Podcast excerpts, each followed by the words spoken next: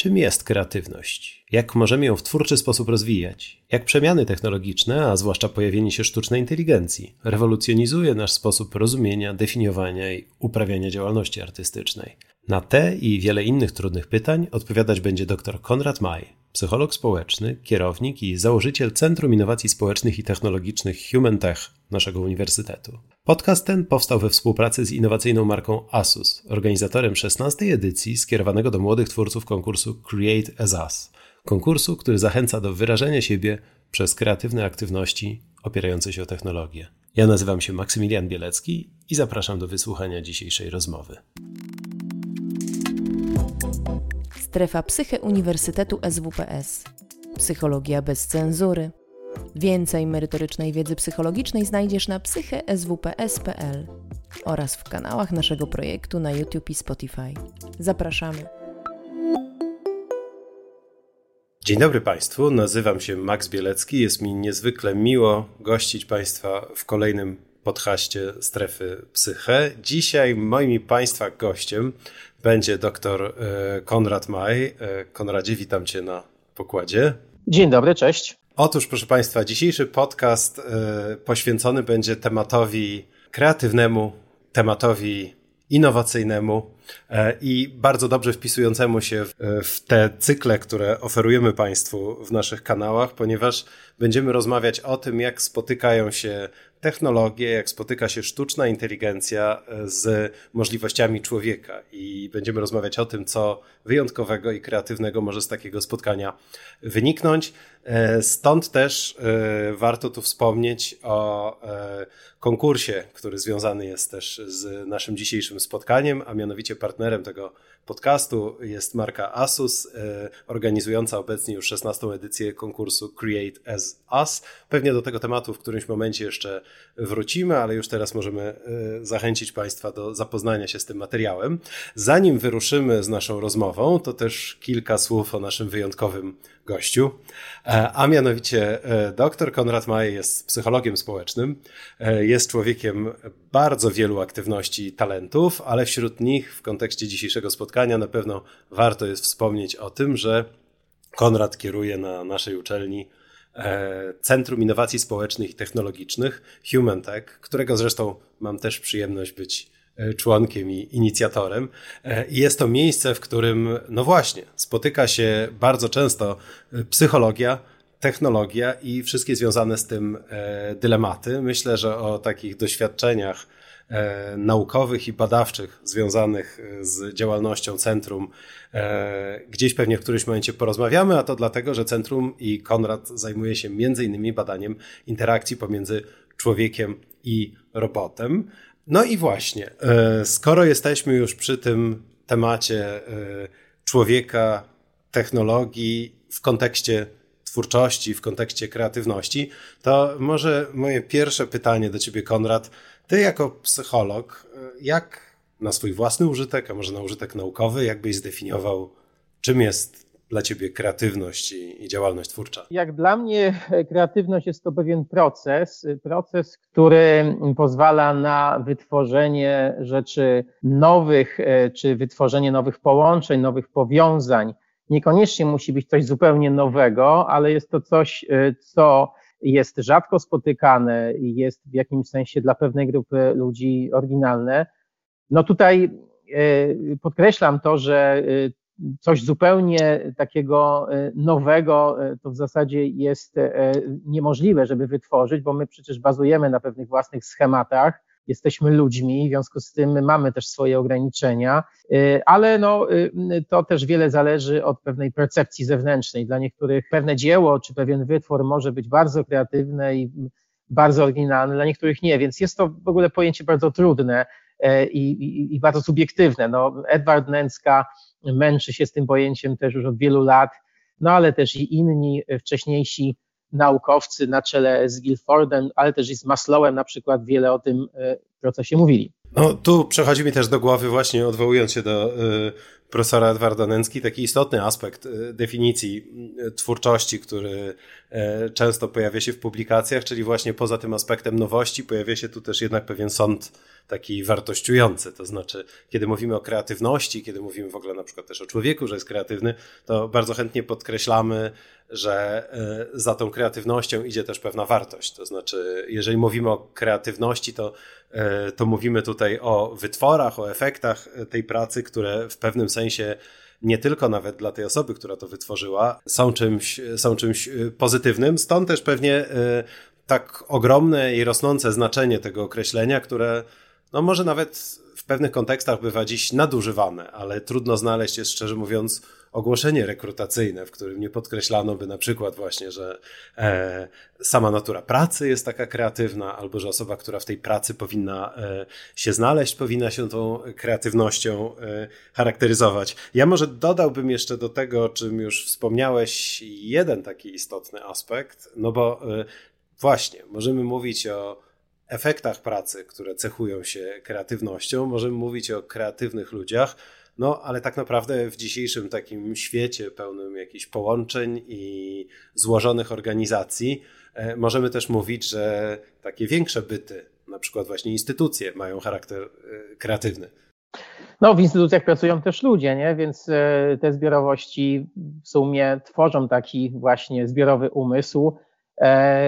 A jak to często bywa, ludzie w grupie e, mogą się nawzajem inspirować, ale też mogą się nawzajem hamować, więc bywają organizacje, które są wypalone, e, które nie są dobrze zarządzane, które nie są stymulowane pod względem takiego rozwoju kreatywnego. Im się tylko czasami wydaje, no bo to jest niezwykle popularne, robienie jakiejś burzy mózgów, ludzie, ludziom się nie chce indywidualnie nad czymś popracować, więc wtedy się robi taką sesję burzy mózgów i, i wtedy wydaje się ludziom, że coś nowego wytworzyli, ale y, no, jak wiemy doskonale z wielu badań, to często bywa nieefektywne. Więc y, no, z organizacjami tak jest, że one mają w sobie bardzo wielu maruderów. Szacuje się, że takich innowatorów, kreatywnych ludzi, którzy rzeczywiście e, potrafią jakby rozbujać całą dynamikę kreatywności, to jest jakieś tam 2,5%. E, no a większość ludzi jednak e, tkwi w pewnych schematach, nawet jeśli to są duże korporacje, bo jak wiesz, e, Max, czasami do nas, przecież do naszego centrum pukają rozmaite osoby, które się gdzieś tam zablokowały, zagubiły i szukają inspirujących pomysłów. I to dobrze, bo czasami taki feedback zewnętrzny jest bardzo potrzebny. W takim razie, żeby przejść od tego kontekstu organizacyjnego właśnie do takiego bardziej, być może, przynajmniej częściowo indywidualnego, to chciałem zachęcić, żebyśmy powędrowali teraz właśnie z tym myśleniu o kreatywności w stronę, e, w stronę technologii i tego, jaka e, w tym kontekście, w tym kontekście technologicznym, e, jak może zmieniać się nasze rozumienie i procesu twórczego, i tego, czym, czym w ogóle jest kreatywność. No bo tak naprawdę w takim stereotypowym myśleniu o twórczości i o twórcach, no to kim jest twórca? To jest malarz, to jest artysta, to jest filmowiec i to jest osoba często nieco szalona, to jest osoba tak stereotypowo myśląc. Jest to osoba często bardzo oryginalna, y, często osoba stojąca w opozycji do jakichś konwenansów, natomiast w tym obrazie nie tak często pojawia się właśnie technologia, technika, jakieś urządzenia. Jak to tak naprawdę jest? Jak wygląda ta relacja między y, technologią a kreatywnością? Jesteśmy tego przyzwyczajeni, czy w zasadzie byliśmy, że technologia to jest dla nas pewne narzędzie, że, że mamy rozmaite e, rozwiązania technologiczne, które my używamy do naszej pracy. No i nawet pędzel dla artysty, malarza, no jest tylko czymś, jakimś tam kawałkiem drewna, z jakimś tam włosiem i on tam sobie maluje i w zasadzie to jest jakaś technologia wspomagająca. Natomiast od pewnego czasu, e, z uwagi na rozwój chociażby mocy obliczeniowej komputerów, ale też e, machine learningu, uczenia maszynowego, e, pewnych rozwiązań, które pozwalają na również generowanie określonych treści, no mówimy o tym, że w zasadzie AI nam tutaj pozwala na generowanie czegoś, Y, my jesteśmy oczywiście przyzwyczajeni, że to my mamy tylko taką ogólną zdolność do abstrakcyjnego myślenia, y, że sztuczna inteligencja silna jeszcze długo nie powstanie, ale prawda jest taka, że już ona nabiera takiej mocy generowania pewnych rzeczy. W związku z tym to nie jest, tylko, nie jest to tylko narzędzie, ale to powoli staje się również, y, no wciąż oczywiście może narzędzie, może też nie powinniśmy od tej nazwy odchodzić, ale jest to rzeczywiście narzędzie, które no, nabiera tej kreatywności. No tu y, też może zanim zawędrujemy nieco głębiej w te tematy związane z z możliwościami sztucznej inteligencji, to mi przychodzi jednak do głowy też taki paradoks właśnie w tym obszarze twórczości, związany z tym, że E, nasze myślenie i często nasz język, a już na pewno te nieszczęsne stereotypy, czasem krzywdzące, a czasem tylko po prostu nietrafne, gdzieś nie nadążają za, e, za przemianami współczesnego świata, dlatego że e, rzadko kto jeszcze dalej, kiedy myśli o osobie twórczej czy o twórczości, to w ogóle wyobraża sobie w pierwszym odruchu osobę siedzącą E, przy komputerze, tak na poziomie stereotypów, to nadal pewnie jest ktoś, kto uprawia jakieś bardziej nieco tradycyjne dyscypliny sztuki, ale warto jest na pewno podkreślić, że, że w ogóle dzisiaj działalność artystyczna i całe gigantyczne jej połaci e, zależą tak naprawdę po prostu od technologii, no bo jeżeli ktoś tworzy w materii e, cyfrowej, już nie mówię tu o twórczości takie jak e, gry komputerowe, czy, czy, czy tworzenie muzyki w oparciu o, o, o, właśnie technologię, ale, ale nawet jeżeli ktoś w ogóle korzysta gdzieś w e, obróbce tego, co tworzy z, ze współczesnej technologii i, i z komputera, to na pewno ta metafora pędzla nie jest tu taka wcale głupia, to znaczy e, ona jest całkiem użyteczna w zrozumieniu tego, że bez odpowiednich narzędzi w ogóle nie bylibyśmy w stanie podjąć takiego działania, więc to y, y, myślę, że nawet w takim bardzo podstawowym znaczeniu ta, ta technologia gdzieś przenika już, przenika już ten świat twórczości od, od samego początku. Ale wracając do tego, o czym wspomniałeś, no właśnie, czy, czy to jest tak, że, że powinniśmy się bać sztucznej inteligencji, czy ona kiedyś, nie wiem, stanie się jakąś siłą, która zastąpi e, kreatywną i twórczą pracę e, człowieka. Jak to właściwie wygląda w Twojej ocenie? Na ten moment e, traktujemy sztuczną inteligencję i jej możliwości jako takiego sprzymierzeńca i tak jak powiedziałeś, no, czy pędzę, ale też i myślę, że wielu artystów nie wyobraża sobie obecnie, że będzie tworzyć, komponować jakąś muzykę tak zupełnie od zera, no, dobiera sobie motywy z jakiejś tam biblioteczki E, dokłada sobie rozmaite dźwięki, eksperymentuje i często te otwory powstają prawie że od początku do końca na komputerze. Dopiero później zespół może usiąść i tam sobie próbować to odtworzyć na własnych instrumentach, więc e, tak się to obecnie dzieje. E, na razie no, ta wszelkie technologie tego typu są dla nas na pewno sprzy, sprzymierzeńcem, no ale tak jak powiedziałem wcześniej, no coraz więcej jest możliwości generowania, nie tylko kopiowania, nie tylko mm, jakby E, naśladowania dobrego, ale wyjścia też y, poza to. Y, I wyobrażam sobie, że z tego powodu może kiedyś dojść do pewnej rywalizacji, czyli ci twórcy ludzcy, białkowi, wejdą może na ścieżkę jakiegoś konfliktu wręcz z jakimiś e, w cudzysłowie twórcami, e, którzy, którzy nie istnieją. No może się to wydawać jakieś absurdalne, no ale prawda jest taka, że już tacy e, artyści swoiści powstają. No w Japonii jest na przykład bardzo popularna, e, no nie wiem jak to powiedzieć, pani, no w każdym razie postać, e, która jest wykreowana przez AI, Hatsune Miku, nagrała ponad 100 tysięcy różnych piosenek. Jej profil na Facebooku to jak jakiś czas temu patrzyłem, to było 2 miliony ludzi. No a z kolei koncerty, które na przykład miały miejsce w Japonii, ona e, supportowała i to byli już właśnie ludzcy artyści, na przykład Lady Gaga. Więc e, to, to, to pokazuje, że ta swoista rywalizacja e, może kiedyś nastąpić. Na razie mówimy o pewnej formie takiej zabawy jeszcze, na razie się tego jakoś nie boimy, ale no ja nie mam wątpliwości, że niektórzy mogą być nie do końca zadowoleni z tego, że na przykład AI sprzedaje obrazy za jakieś grube, grube pieniądze i to one powstają, nie wiem, w kilka sekund, a do tego jeszcze bazują na wytworach innych ludzi, a ja się biedny męczę, y, wypijam nie wiem ile kaw y, y, i, i może czasami jeszcze niektórzy artyści innych środków pobieram po to, żeby coś kreatywnego w swojej głowie znaleźć. Także no, to przed nami dopiero te, te problemy i te dylematy, tak samo dylematy prawne. kto ma do czego prawo.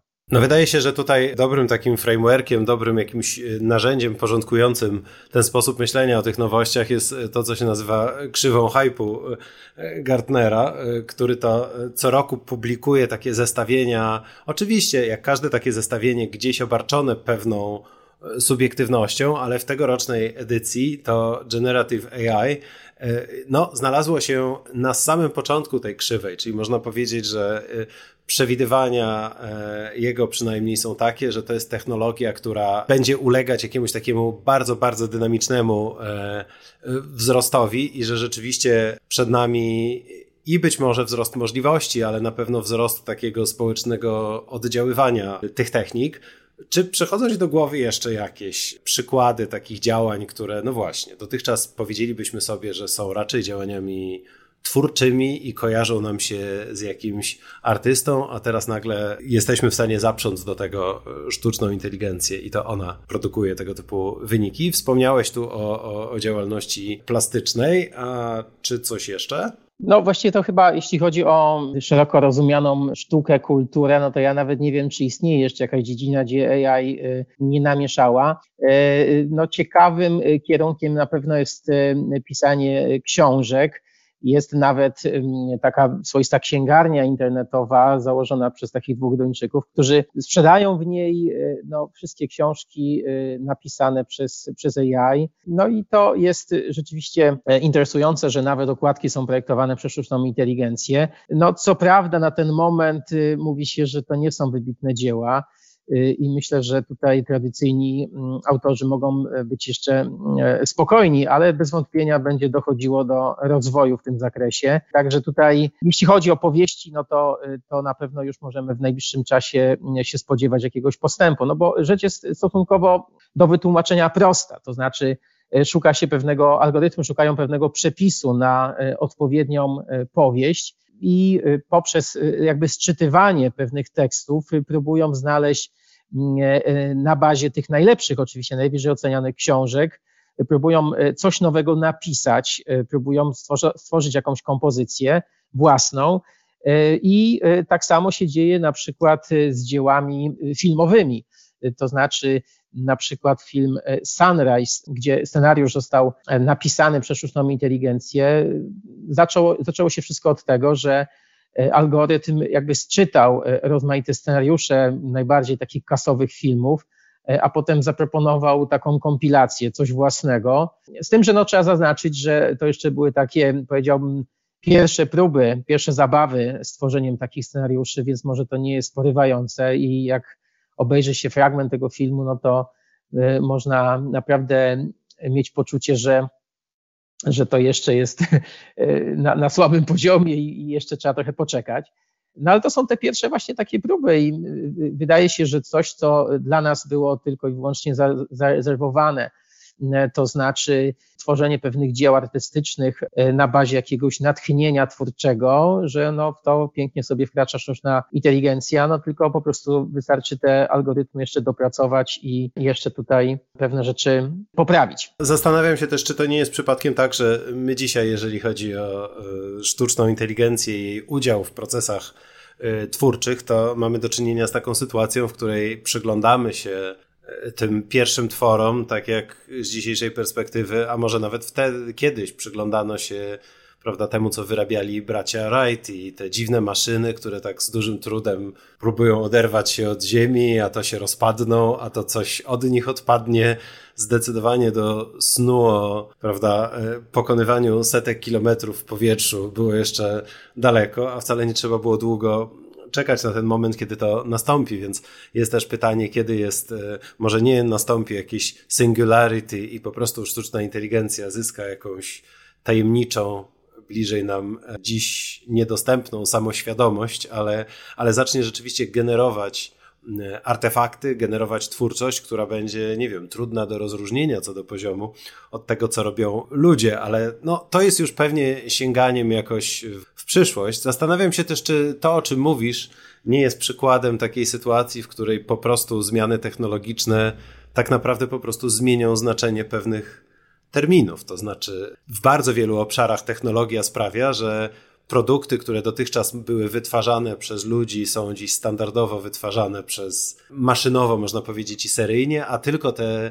najbardziej wyjątkowe rzeczy e, tworzą dzisiaj e, ludzie. Taka metafora obuwnicza, że tak powiem, e, tego, co się dzieje na rynku, jak technologia na to wpływa. No, pytanie, czy w twórczości nie będzie w jakiś sposób podobnie, czy taka masowa twórczość, nie wiem, rozrywkowa, komercyjna, wizualna, czy to nie przeniesie się do świata sztucznej inteligencji, a czy świat ludzkiej twórczości nie pozostanie w jakiś sposób, nie wiem, elitarny, wyjątkowy i tak dalej. To oczywiście niesie za sobą, jak powiedziałeś, społeczne konsekwencje, no bo historia zna dużo przykładów takich, w których e, rozwój technologiczny nie budził społecznego entuzjazmu. Pojawiały się tu nawet jakieś protesty nie wiem, czy przychodzą tobie do głowy takie przykłady, ale ja lubię posługiwać się tu, może ty masz jakieś swoje case, ja lubię się tu posługiwać przykładem bodajże aparatu telefonicznego pierwszego, który miał wjechać kiedyś chyba jeszcze do carskiej Rosji i został komisyjnie zniszczony jako właśnie takie zagrożenie porządku. Ja myślę, że e, tak jak powiedziałem wcześniej, e, przed nami jest dopiero e, pewna wielka, wielka dyskusja i też pewnie odpalą się rozmaite jakieś konflikty na tym polu. Myślę też, że może przyjść taki moment, kiedy wręcz nie będziemy się jakoś mocno podniecać wytworami sztucznej inteligencji, tylko może bardziej wytworami ludzkimi, bo wyobrażam sobie, że za jakieś na przykład 30 lat e, jakaś tam, jakieś muzeum, czy, czy, czy jakaś, nie wiem, galeria będzie się promować w ten sposób, że u nas dzieła ręcznie zrobione, namalowane przez przez człowieka, y, dlatego że y, taka swoista mm, sztuka AI y, będzie pewnie, stanie się bardzo popularna, będzie masowo produkowana, skoro będzie przecież ona tania, skoro nie będzie chroniona jakimiś prawami autorskimi, bo to się przynajmniej na ten moment na to jeszcze nie zanosi, żeby to w jakiś sposób było chronione. W związku z tym będzie to no, bardzo powszechne mm, i, i myślę, że każdy będzie mógł sobie, zresztą już w tej chwili są takie możliwości, e, ściągnięcie sobie w sposób bezpłatny, wygenerowanie sobie na bazie pewnych zapytań, że na przykład, nie wiem, chcemy mieć coś w stylu Picassa, wgranie, wrzucenie kilku haseł albo wgranie jakiegoś zdjęcia i otrzymujemy wygenerowany obrazek. Możemy sobie potem go pójść wydrukować i powiesić na ścianie. E, a zatem y, bardzo ekskluzywne będą e, rozmaite dzieła artystyczne e, tworzone przez takich ludzkich mm, artystów, bo to będzie wymagało pracy, to będzie już kosztowniejsze, to będzie bardziej ekskluzywne. No w tej chwili dochodzi do pewnego paradoksu, bo właśnie wspomniany Picasso, no jego płótna y, y, były, mm, no najczęściej chodziły gdzieś tam po jakieś tam pół miliona dolarów, a E, na przykład e, w jednym z domów e, aukcyjnych sprzedano taki portret Edmonda de Balamego, ale on został jakby opracowany przez sztuczną inteligencję właśnie za podobną kwotę. Więc to, to, to by pokazywało, że na ten moment, jeśli chodzi o, o koszty, jeśli chodzi o ceny, no to one są nawet w tej chwili, niektóre dzieła stworzone przez, przez AI osiągają wyższe wartości, ale to się pewnie zmieni. No, to jest y, pytanie, już pomijając ten wątek, że wydaje mi się, że żeby kupić Picassa na aukcji za pół miliona dolarów, to to musiała być jakaś porządna i dobra promocja, to jeszcze chyba to AI trochę ma tam do nadgonienia, jeżeli chodzi o oceny y, w stosunku do jakby najbardziej renomowanych twórców, ale zostawiając na boku te wątki cenowe, zastanawiam się nad tym, czy rzeczywiście będziemy żyć w takim świecie, w którym twórczość ludzka, no właśnie, będzie niezależna od tej twórczości opierającej się na sztucz o sztuczną inteligencję, dlatego że ten podział wydaje mi się w pewnym sensie trochę może sztuczny czy naiwny, nawet w świetle tego, co powiedziałeś, no bo jeżeli e, e, w Japonii e, powstała jakaś popowa artystka, która w dużym stopniu jest tak naprawdę tworem właśnie wspieranym przez technologię, to jednak za, za powstaniem tego fenomenu stoi, jak rozumiem, sztab ludzi. Stoją pewnie też jacyś graficy, którzy zdecydowali, że wygląda ona tak, a nie inaczej. To znaczy, dzisiaj można powiedzieć, że wszystkie te rozwiązania w obszarze sztucznej inteligencji i, i, technologii są bardzo intensywnie wspierane i oceniane przez, e, przez człowieka. Oczywiście pytanie, czy będzie tak, e, czy będzie tak dalej w przyszłości. Myślę, że ta współpraca, znaczy to, to jest w ogóle moim zdaniem idealne połączenie. Znaczy my możemy jakby współpracować z, ze sztuczną inteligencją, czy w zasadzie ona z nami. Myślę, że to nawet może trochę zdynamizuje to, co się dzieje w, w sztuce, w kulturze. Myślę, że to też dla nas jest, moim zdaniem to jest ciekawy mariaż, po prostu sztuki, nauki również, technologii, więc ja raczej widzę, że to będzie współpraca, która po prostu będzie wymagała jakiegoś ułożenia, ale no na przykład dla mnie ekscytującym takim przykładem takiego, takiego ciekawego połączenia jest to, co zrobiło w zeszłym roku Muzeum Narodowe. Oni e, zorganizowali wystawę dzieł Witkacego, e, a jednocześnie wygenerowali taki filtr, który można było sobie ściągnąć, E, filtr nazywał się e, Zwitkacuj się. No i można było sobie e, swoje selfie zrobić i następnie jakby poprzez ten filtr, przepuścić przez ten filtr i zrobić z siebie, zrobić go w stylu Witkacego. I, i, I to oczywiście uruchomiło jakąś potężną społeczność, zainteresowanie całą wystawą. Po prostu jakieś tam bodajże około 200 tysięcy ludzi E, użyło e, tego typu e, aplikacji. Mnóstwo ludzi tam wchodziło i proszę zauważyć, że jest takie ciekawe połączenie, że my, to my też byliśmy, zostaliśmy jakby zaangażowani w tworzenie pewnego dzieła. Technologia ma to pozwoliła. No wcześniej to dzieło Witkacego, no to było tylko jego i już, a tu się okazuje, że nam ktoś daje pewne możliwości technologiczne, żebyśmy razem w tym uczestniczyli, współtworzyli niejako jego, y, dorzucili się do jego dorobku, jeśli tak w ogóle można powiedzieć. Y, wielu twórców, y, no oczywiście jest w jakiś sposób naśladowanych dzięki AI. Przypomina mi się takie, taki projekt The Rembrandt z 2016 roku. Celowo tą datę podaję, żeby pokazać, że to już trochę czasu temu, a wciąż nas to zachwyca. No i to po prostu polegało na tym, że zespół naukowców, 20 naukowców, gdzie byli programiści, jacyś eksperci od AI, od druku 3D.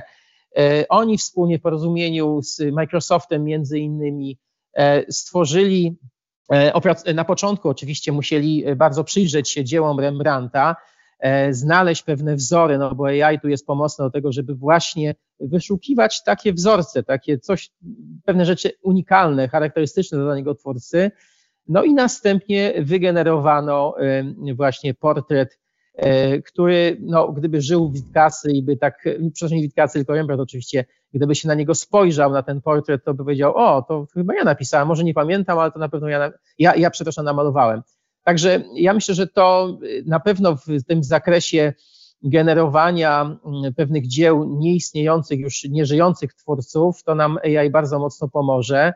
No, pojawia się w tym kontekście dość ciekawe pytanie, czyje w takim razie będą te dzieła. To jest to wyzwanie. Oczywiście w wypadku Rembrandta pewnie e, autor nie żyje na tyle długo, że jego twórczość jest pewnie dostępna w domenie publicznej, ale w wypadku wielu twórców niedawnych, a może nawet żyjących, w ogóle przed nami całe mnóstwo jakichś etycznych etycznych dylematów w tym kontekście. No, ja też zastanawiam się nad tym, czy, bo sporo mówimy tu o twórczości plastycznej, ale mnie osobiście jakoś fascynuje zupełnie ten aspekt stojący, że tak powiem, na, na modelach takich językowych, takich jak to GPT-3, które które robi w ostatnim czasie taką karierę.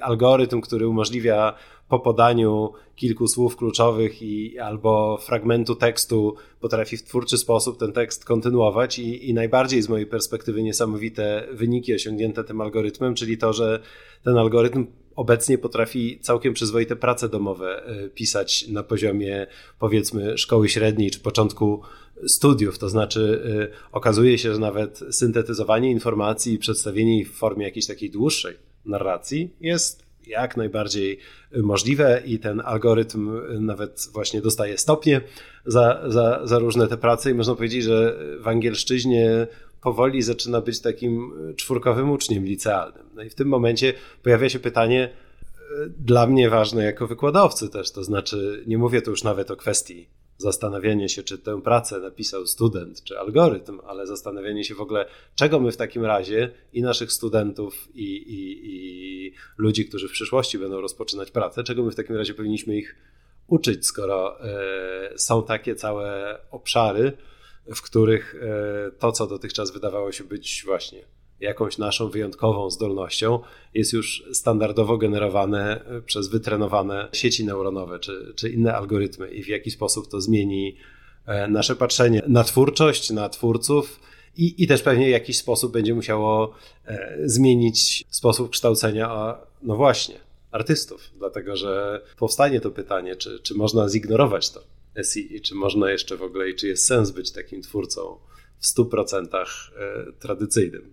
No być może należałoby e, do tego podejść w ten sposób, że idziemy w takim kierunku, e, gdzie to my będziemy wciąż nadzorować jakieś mm, inteligentne czy maszyny, czy w jakiś sposób e, będziemy tworzyć algorytmy, ale będziemy mieli troszeczkę inną rolę niż do tej pory.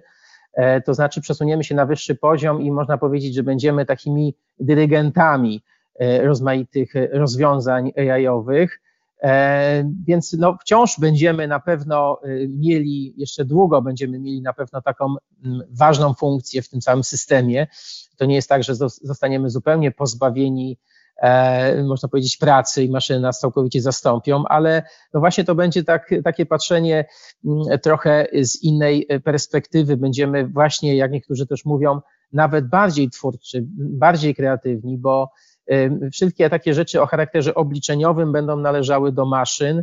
E, my będziemy e, po prostu e, je programować, tworzyć algorytmy, nadzorować, więc będziemy mieli jeszcze bardziej uwolnione ręce. No pamiętajmy, jak teraz jakby cofniemy się do takich czasów, kiedy ludzie zeszli z drzewa, no to podkreśla się to bardzo często w analizie tych, tego naszego postępu cywilizacyjnego, że te zejście z drzewa dla nas oznaczało spotkanie się z pewnymi wyzwaniami. Człowiek uwolnił swoje Mm, swoje ręce, nie musiał skakać po jakichś tam gałęziach, ale musiał e, zadbać też o swoje bezpieczeństwo, e, swoje życie i nie wiem, jakieś produkty do jedzenia. W związku z tym e, uruchomił jakąś silną kreatywność. Ja myślę, że AI stawia nas w takiej sytuacji, do, daje nam pewne wyzwania, nam ludzkości, bo nagle pojawiają się dla nas jakieś zagrożenia, więc jesteśmy trochę w takiej sytuacji, gdzie my musimy sobie postawić pewne ważne, istotne pytania, jak sobie ułożyć te relacje, coś tworzymy, co nam też jednocześnie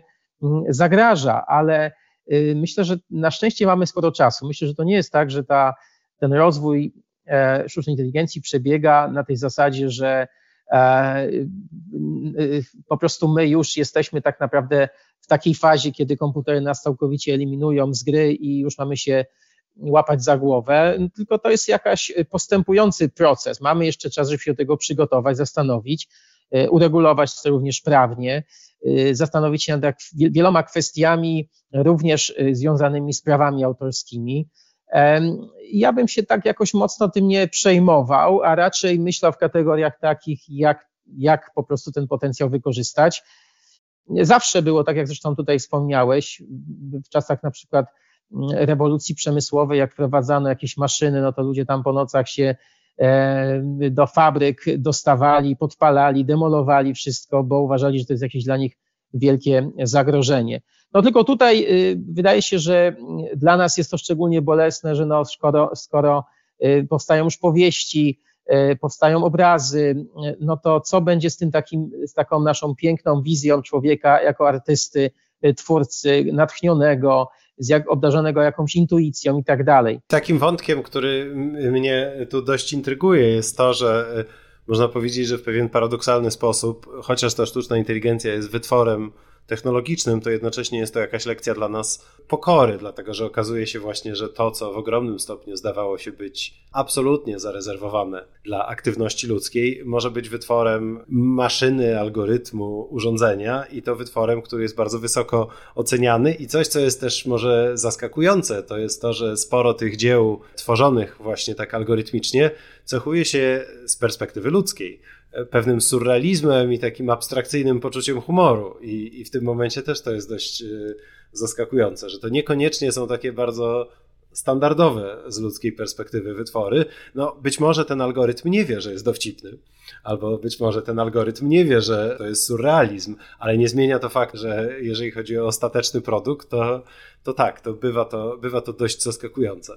No ale właśnie zauważ coś takiego, że jeśli na przykład ktoś nam powie, narysuj żółwia w sposób innowacyjny, kreatywny, i ten żółw ma takie takie cechy, nie? że jest tam powolny, że ma jakąś tam skorupę na sobie i inne tam cechy. Wydaje się, że każdy człowiek, no niemal każdy człowiek, łącznie z dziećmi, e, będzie się, posługi, e, będzie się posługiwał pewnymi standardowymi e, jakimiś, prawda, kreskami, będzie to mimo wszystko jakieś tam dzieło, które nie do końca będzie innowacyjne. Natomiast jeśli byśmy to samo używając na przykład jakiegoś e, generatywnego rozwiązania, jak na przykład GEN, y, czyli takie generatywne wielowarstwowe sieci neuronowe, moglibyśmy uzyskać coś, co by nas mocno zaskoczyło. No zresztą widzimy też, jak w jakiś sposób y, rysuje sztuczna inteligencja algorytmy, nie wiem, kotki, pieski czy, czy inne tam rzeczy.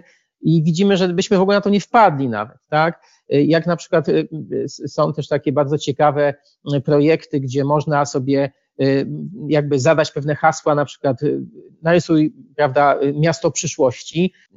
Sztuczna inteligencja właściwie wszystko to, co wiąże z przyszłością, do takiego obrazka wrzuca i, i z tego jest jakiś dziwny chaos i my jako ludzie moglibyśmy tego podejść inaczej, więc to jest wyjście poza pewne schematy jakby zmierzam do tego, że również analiza tego, co wytwarza sztuczna inteligencja, może być dla nas wręcz inspirująca. Nie wiem, czy Maxie kojarzysz takiego człowieka, ale może powinieneś, ponieważ ma takie same imię jak ty, jest, nazywa się Max Hawkins. Max Hawkins kiedyś wymyślił coś takiego, że on będzie przez dwa lata jakby żył w jakiś sposób algorytm, który stworzył, będzie mu nakazywał. Algorytm miał na celu weryfikowanie, jakby grzebanie w internecie, szukanie e, tak randomowo troszeczkę określonych tam jakichś pojęć i układanie ich w takie swoiste rozkazy dla tego Hawkinsa, e, na przykład e, takie, żeby zmienił miejsce zamieszkania albo żeby no, kupił coś tam oryginalnego, albo nie wiem, żeby został opiekunką do dziecka, no jeszcze jakieś tam inne rzeczy bardzo, bardzo takie dziwne. I on się zdecydował, że on rzeczywiście będzie postępował i robił wszystko to, co y, algorytm mu nakazuje. Oczywiście były tam bardzo y, no, takie groźne nawet y, polecenia, typu na przykład zabij jelenia. No ale on oczywiście w takich sytuacjach próbował to interpretować w taki sposób niegroźny, na przykład poprzez jakąś maskotkę, że ją tam rozszarpał, która była właśnie mm, jeleniem. Więc no, y, y, jakoś próbował tego uniknąć, ale żył w ten sposób. Y, to był oczywiście pewien performance, ale ten, te zadania były bardzo oryginalne, takie innowacyjne, powiedzmy. Więc ja myślę, że podsumowując też przez to wszystko powiedzieć, że być może właśnie taka współpraca z AI będzie dla nas jakąś okazją, żeby wyjść poza takie schematy, codzienne schematy. My właściwie postępujemy bardzo rutynowo i mam takie poczucie, że również i sztuka jest taka e, rutynowa. Jak oglądamy telewizję, widzimy, że tam jest wszystko takie powtarzalne. No ja powiedziałbym też, że nie tylko oglądając telewizję, bo czasem oczywiście nie będąc krytykiem sztuki nie chciałbym się jakiś tu uogólniać, ale mam wrażenie też, że rzeczywiście od powiedzmy połowy XX wieku, e, no właściwie od zawsze można powiedzieć, przepraszam, e, artyści mieli taką ambicję buntowania się, ale, ale można powiedzieć, że intensywność tego buntu jest już e, taka, że tych obszarów kontestacji jest w sztuce coraz mniej i że w tym sensie taka możliwość przełamywania różnych, czy to tabu społecznych, czy obyczajowych w ogromnym stopniu, e, można powiedzieć, że to już wszystko było i co prawda taka refleksja też towarzyszy od wielu lat historii sztuki, ale to poczucie e, takiego życia w czasach schyłkowych i takie poczucie, że już większość z prób buntu już w pewnym sensie podjęliśmy, gdzieś nam takie przekonanie tak naprawdę od dłuższego czasu towarzyszy, gdzieś wisi w powietrzu, że, że mówimy o takim wielkim powtórzeniu, no więc paradoksalnie może właśnie ta sztuczna inteligencja i algorytmy z całym swoim szaleństwem, można by powiedzieć, są jakąś szansą na przekroczenie tego, ale wracając do przykładu, do którego się powołałeś, to to wydaje mi się niezwykle ciekawym aspektem całej tej sytuacji, to znaczy taki kontekst, w którym tym dziełem sztuki przestaje być właśnie konkretny wytwór, a tym dziełem sztuki staje się w pewnym sensie swoistym performancem. Stało się w wypadku e, rzeczonego Maxa, o którym wspominałeś, całe jego życie na jakiś czas. To też nie jest w sensie artystycznym pomysł e, nowy, natomiast wydaje się, że, że to jest taka ostateczna forma twórczości, to znaczy w ogóle możliwość stworzenia jakiejś formy czy sposobu życia, z którym wcześniej nie mieliśmy do czynienia. I to jest takie miejsce, gdzie ta sztuka zbliża się też gdzieś do, do, do robotyki, no bo robotyka nie od dziś właściwie żyje taką, taką nadzieją wytworzenia jakiejś zupełnie nowej jakości. Ale też, y, tak jak o tym rozmawiamy, to wydaje mi się, że w pewnym sensie okazuje się, że przy wszystkich paradoksach ta sztuczna inteligencja i rozwój technologii z jednej strony otwiera mnóstwo nowych drzwi, a z drugiej strony, jak tak o tym trochę głębiej pomyśleć, to jednak daje się zamknąć w tej staromodnej metaforze pędzla. Może kto inny będzie tym pędzlem się teraz posługiwać. Może ten pędzel nie będzie prostym fizycznym przedmiotem, a będzie jakimś szalonym e, bogatym zbiorem algorytmów i możliwości, ale tak naprawdę to sposób, w jaki my się poukładamy z tą technologią, także jako artyści, no to to jest takie wyzwanie, które każde kolejne pokolenie y, podejmuje, bo przecież kiedy pojawiły się komputery i możliwość tworzenia cyfrowego y, obrazów, to też no, było wiele takich głosów, że to nie wiem, zabije tradycyjne malarstwo, zastąpi, że to w ogóle nie może być przestrzenią prawdziwej twórczości, bo prawdziwa twórczość to wymaga tego zapachu far polejnych i brudnego fartucha, jakby bardzo, bardzo dużo takich głosów historycznie już mieliśmy. Więc. E, e, Ale muszę Ci powiedzieć, Maxie, jedną taką rzecz, bo mm, tutaj e, bardzo często oczywiście sztuka AI opiera się na tym, że coś tam sobie cyfrowo powstaje. Nie? I, I tak jak powiedziałeś, no, dla nas sztuka to jest coś więcej, zapach farby, jakieś, jakiś fizyczny obiekt, ale no tutaj również y, y, ci twórcy, którzy w ten sposób tego podchodzą i myślą sobie, o tutaj jeszcze y, jakby posprzedajemy swoich obrazów, ponieważ my jesteśmy, mamy jakieś swoje fizyczne ciało, my mamy też kontakt z jakimiś naszymi fanami, to są też przecież jakieś wernisaże, czy jakieś inne tam pokazy pewnych dzieł i tak dalej, i tak. Ale e, prawda jest też taka, że niektórzy również idą w tym kierunku, e, bo na przykład jest taki robot Aida, to jest tak naprawdę malarka, ale też ostatnio i poetka, jeśli tak w ogóle można powiedzieć.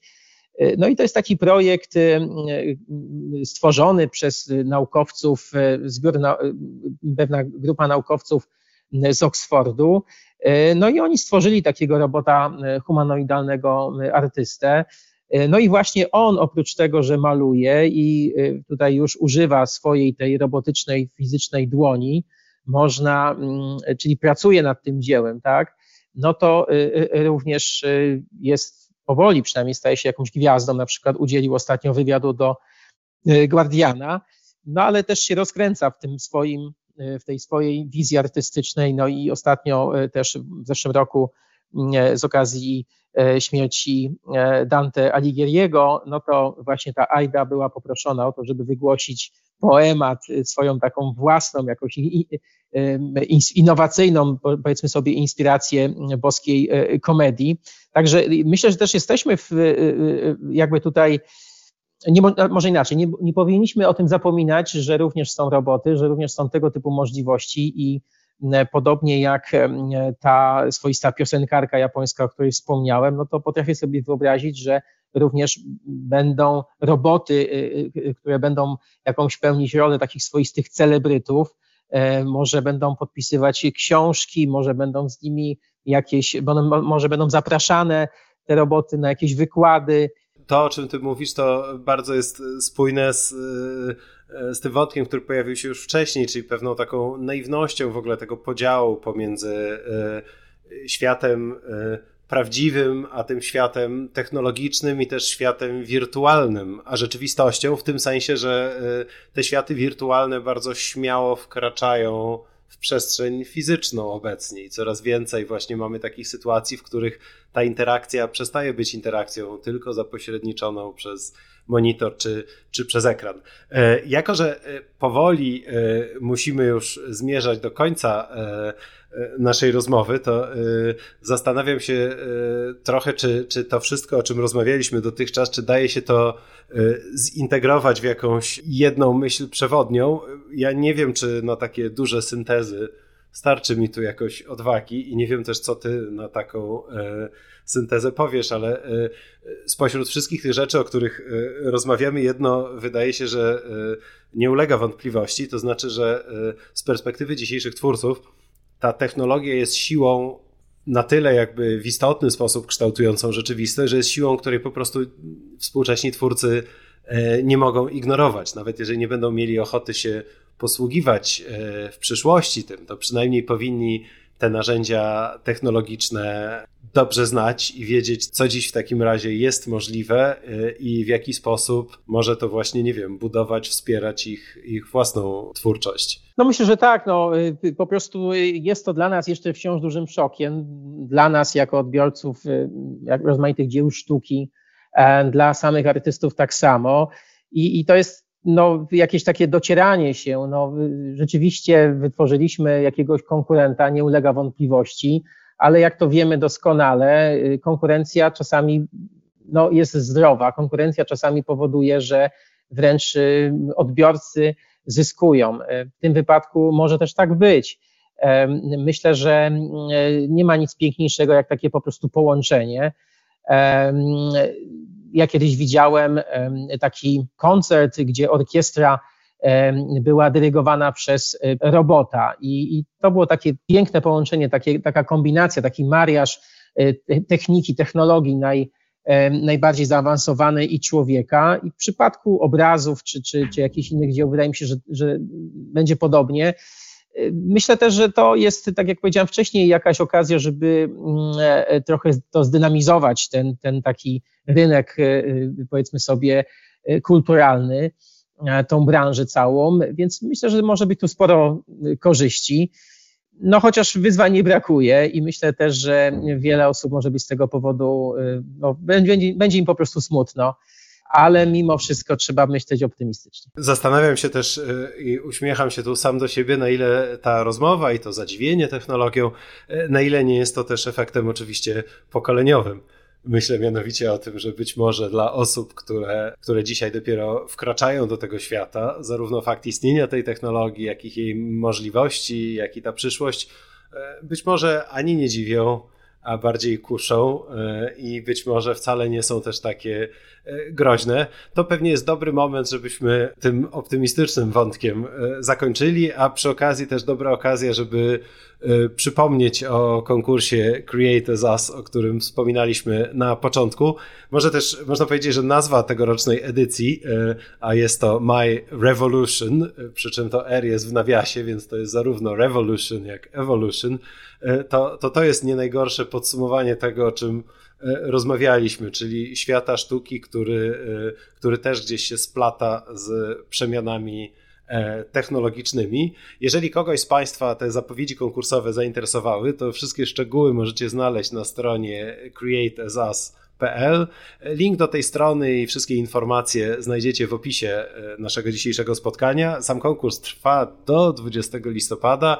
Jest tam e, sporo naprawdę atrakcyjnych nagród, laptopy marki Asus stworzone dla twórców między innymi, więc tak jak możemy rozmawiać o wszystkich ryzykach związanych z przyszłością, to za to posługiwanie się e, stabilnymi i wygodnymi narzędziami, to za to jest rzeczą zupełnie podstawową, jeżeli ktoś w ogóle w takim digitalowym e, obszarze się porusza, więc tym bardziej e, zachęcamy.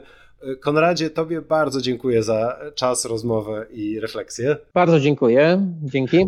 Mam nadzieję, że będzie jeszcze okazja, żeby powrócić do tych robotycznych i futurystycznych wątków. E, wszystkim słuchaczom dziękuję za czas nam poświęcony i tradycyjnie zapraszam na kolejne spotkanie i na inne kanały naszego projektu. Do zobaczenia, do usłyszenia, e, między innymi na YouTubie czy Spotify, gdzie reprezentowana jest strefa psyche Uniwersytetu SWPS. Do usłyszenia.